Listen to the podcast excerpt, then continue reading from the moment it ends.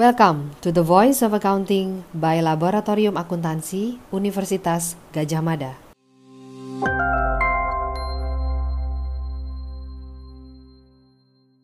Mohon izin untuk uh, Pak Sony menyampaikan kembali materi yang pertama tadi ya terkait dengan uh, akuntansi seperti itu. Pak Sony, apakah sudah hadir baik? Oke, terima kasih sekali Mas Akbar. Dan saya minta maaf pada maaf ini sebelum ya apakah suara saya sudah terdengar? Sudah, sudah Pak. Ya, terima kasih sekali Pak Mas Akbar dan juga saya minta maaf pada teman-teman ya. Jadi langsung saja eh, saya akan coba membahas apa itu apa yang menjadi tugas saya gitu ya. Karena khawatir listriknya mati lagi nanti. Di eh, di apa bukunya Klaus Schwab itu ada satu tantangan besar yang mengingatkan kita dalam konteks ini yaitu bahwa dengan adanya RI 4.0 ini kita bahkan harus mempertanyakan peran manusia itu di mana kan itu ya. Maka dalam hal ini kita mencoba mempertanyakan ya, menanyakan terkait dengan akuntansi. Jangan-jangan melihat akuntansi dengan cara yang berbeda itu nanti akan menghasilkan sesuatu yang berbeda. Jadi kalau di sini saya tampilkan ini apa seperti apakah alien versi kita gitu ya. Mungkin Mbak Lansmi akan senang sekali ingat dengan toy apa story-nya gitu ya. Itulah alien versinya Mbak Alien Mbak Laksmi misalnya gitu ya ataupun yang ya, ya atau ya atau generasi saya itu yang paling atas itu generasi IT IT zaman waktu itu. Atau kemudian yang suka horor itu yang ini yang paling pojok itu ya. Di nah demikian juga kalau kita misalnya tampil begini ini gambar ini apa ya? Maka saya sangat yakin kita punya pendapat yang berbeda-beda.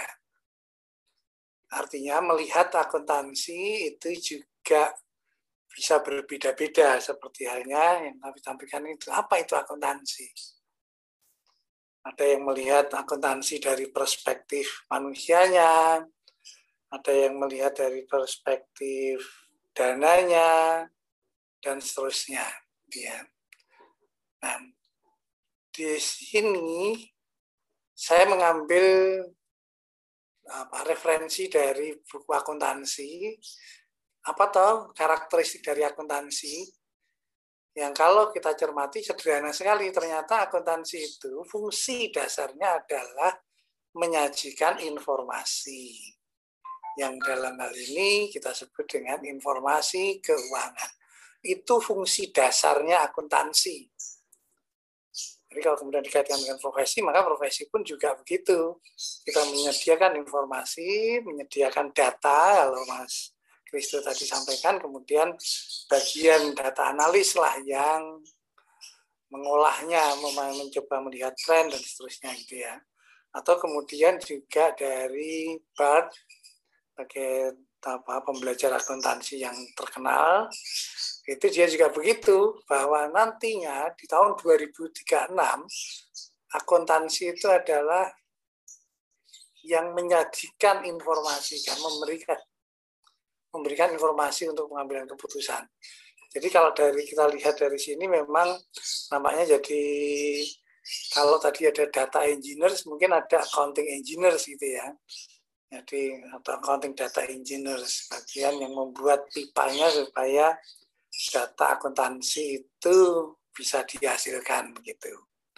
Nah, jadi dari sini kemudian saya melompat saja pada gambaran seperti ini. Jadi bahwa akuntansi sekali lagi menurut perspektif saya harusnya kita merenung kembali oh ternyata tugas fungsi utama akuntansi adalah menyajikan informasi keuangan seperti halnya kokpit yang ada di pesawat ini.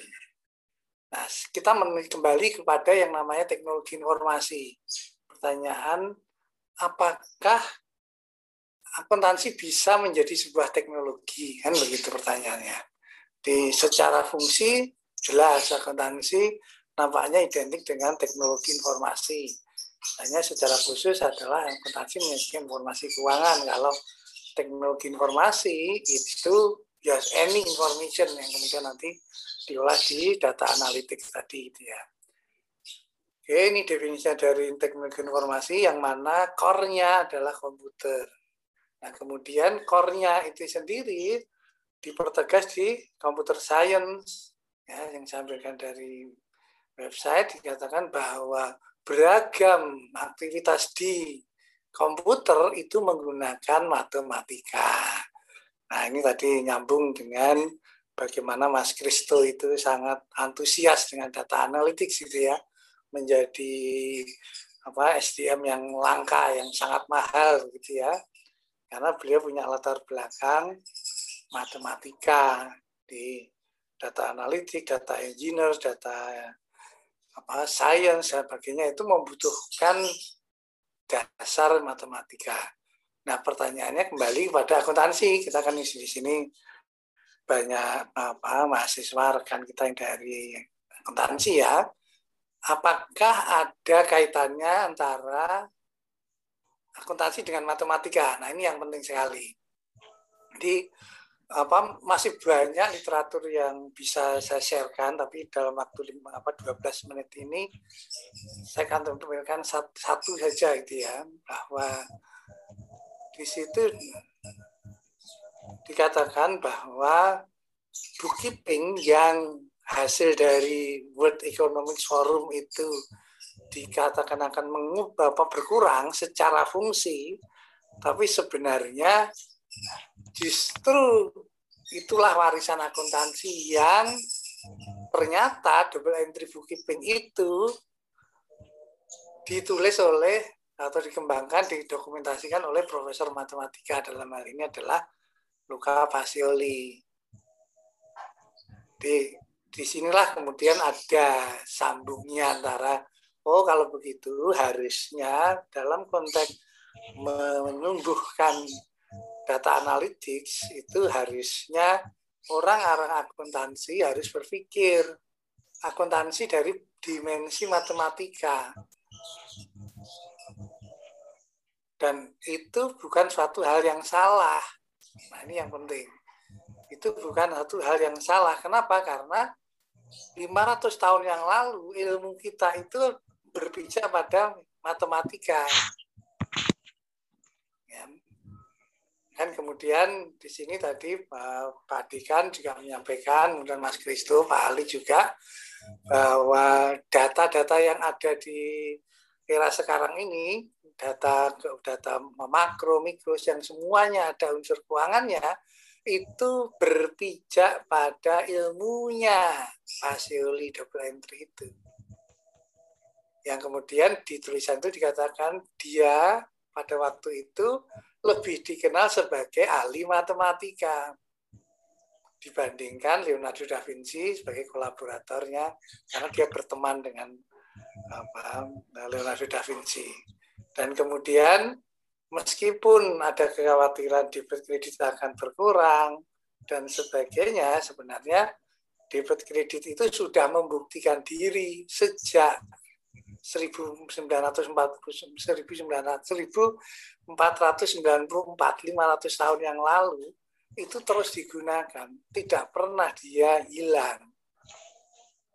Nah ini yang kemudian menjadi tantangan kita bagaimana mengoptimalkan ilmu debit kredit ini menjadi algoritma kalau istilahnya Mas Kristo tadi ya jadi orang akuntansi di Bapak bisa memberikan sebuah kontribusi. Ini loh algoritmanya menggunakan debit kredit, bukan algoritma yang menggunakan bilangan biner, tapi bisa menggunakan debit kredit seperti itu. Ya, saya kira itu. Kemudian pada pertanyaan yang terakhir, ya ini untuk uh, mendorong teman-teman. Kalau saya sudah terlalu tua gitu ya, mendorong teman-teman bagaimana kita menyiapkan diri untuk menjadi data analytical ya data analis gitu ya kenapa eh, ya tadi tadi apa data analis sangat mahal sangat apa penting dan sebagainya. Ya. Jadi keterlibatan kita itu bisa sebagai pengguna. Seperti misalnya tadi R3 R gitu ya. Kemudian Python kita gunakan atau yang non sub big data tadi menggunakan Excel. Yang besok itu teman-teman akan uh, diajak untuk bermain dengan Excel tingkat lanjut, makros dan sebagainya, itu kita menempatkan diri sebagai pengguna. Yang dalam kaitannya dengan itu, itu juga membutuhkan ilmu matematika.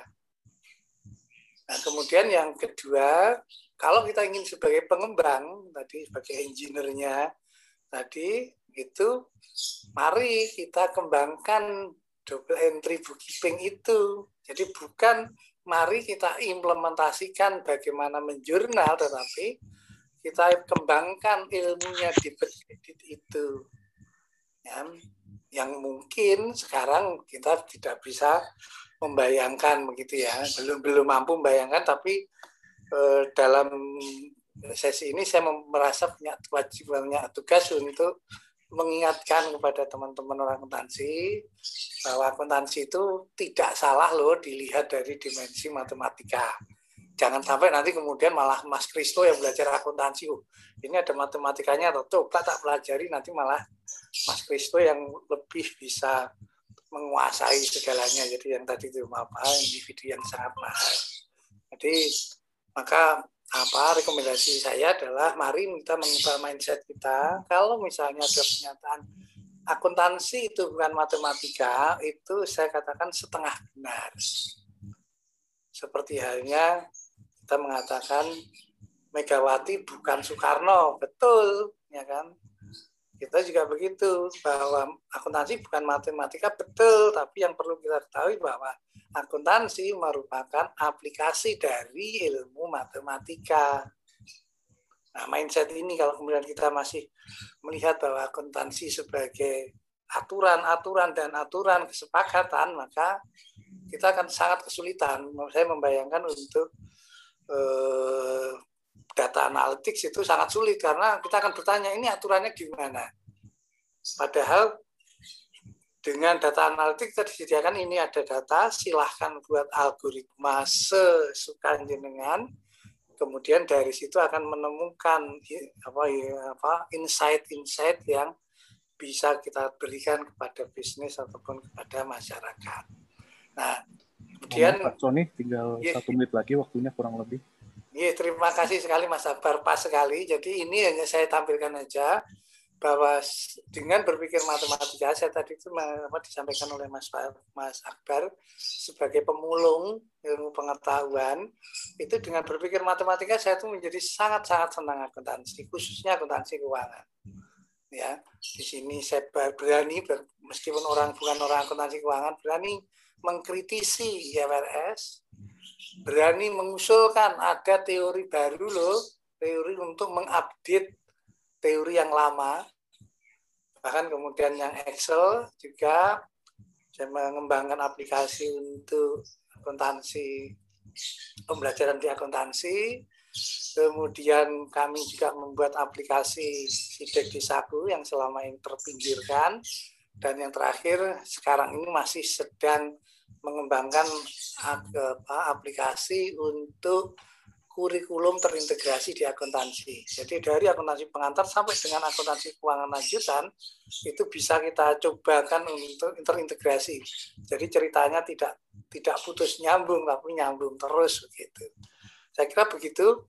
Jadi harapannya kita mumpung mumpung masih belum banyak yang melihat mindset akuntansi sebagai perspektif matematika, kita bisa menjadi inovator ataupun menjadi leader di bidang ini. Begitu Mas Akbar, waktu saya serahkan kembali. Terima kasih pada teman-teman. Nanti kita bertemu lagi di acara diskusi. Matur suwun Mas Mas Akbar.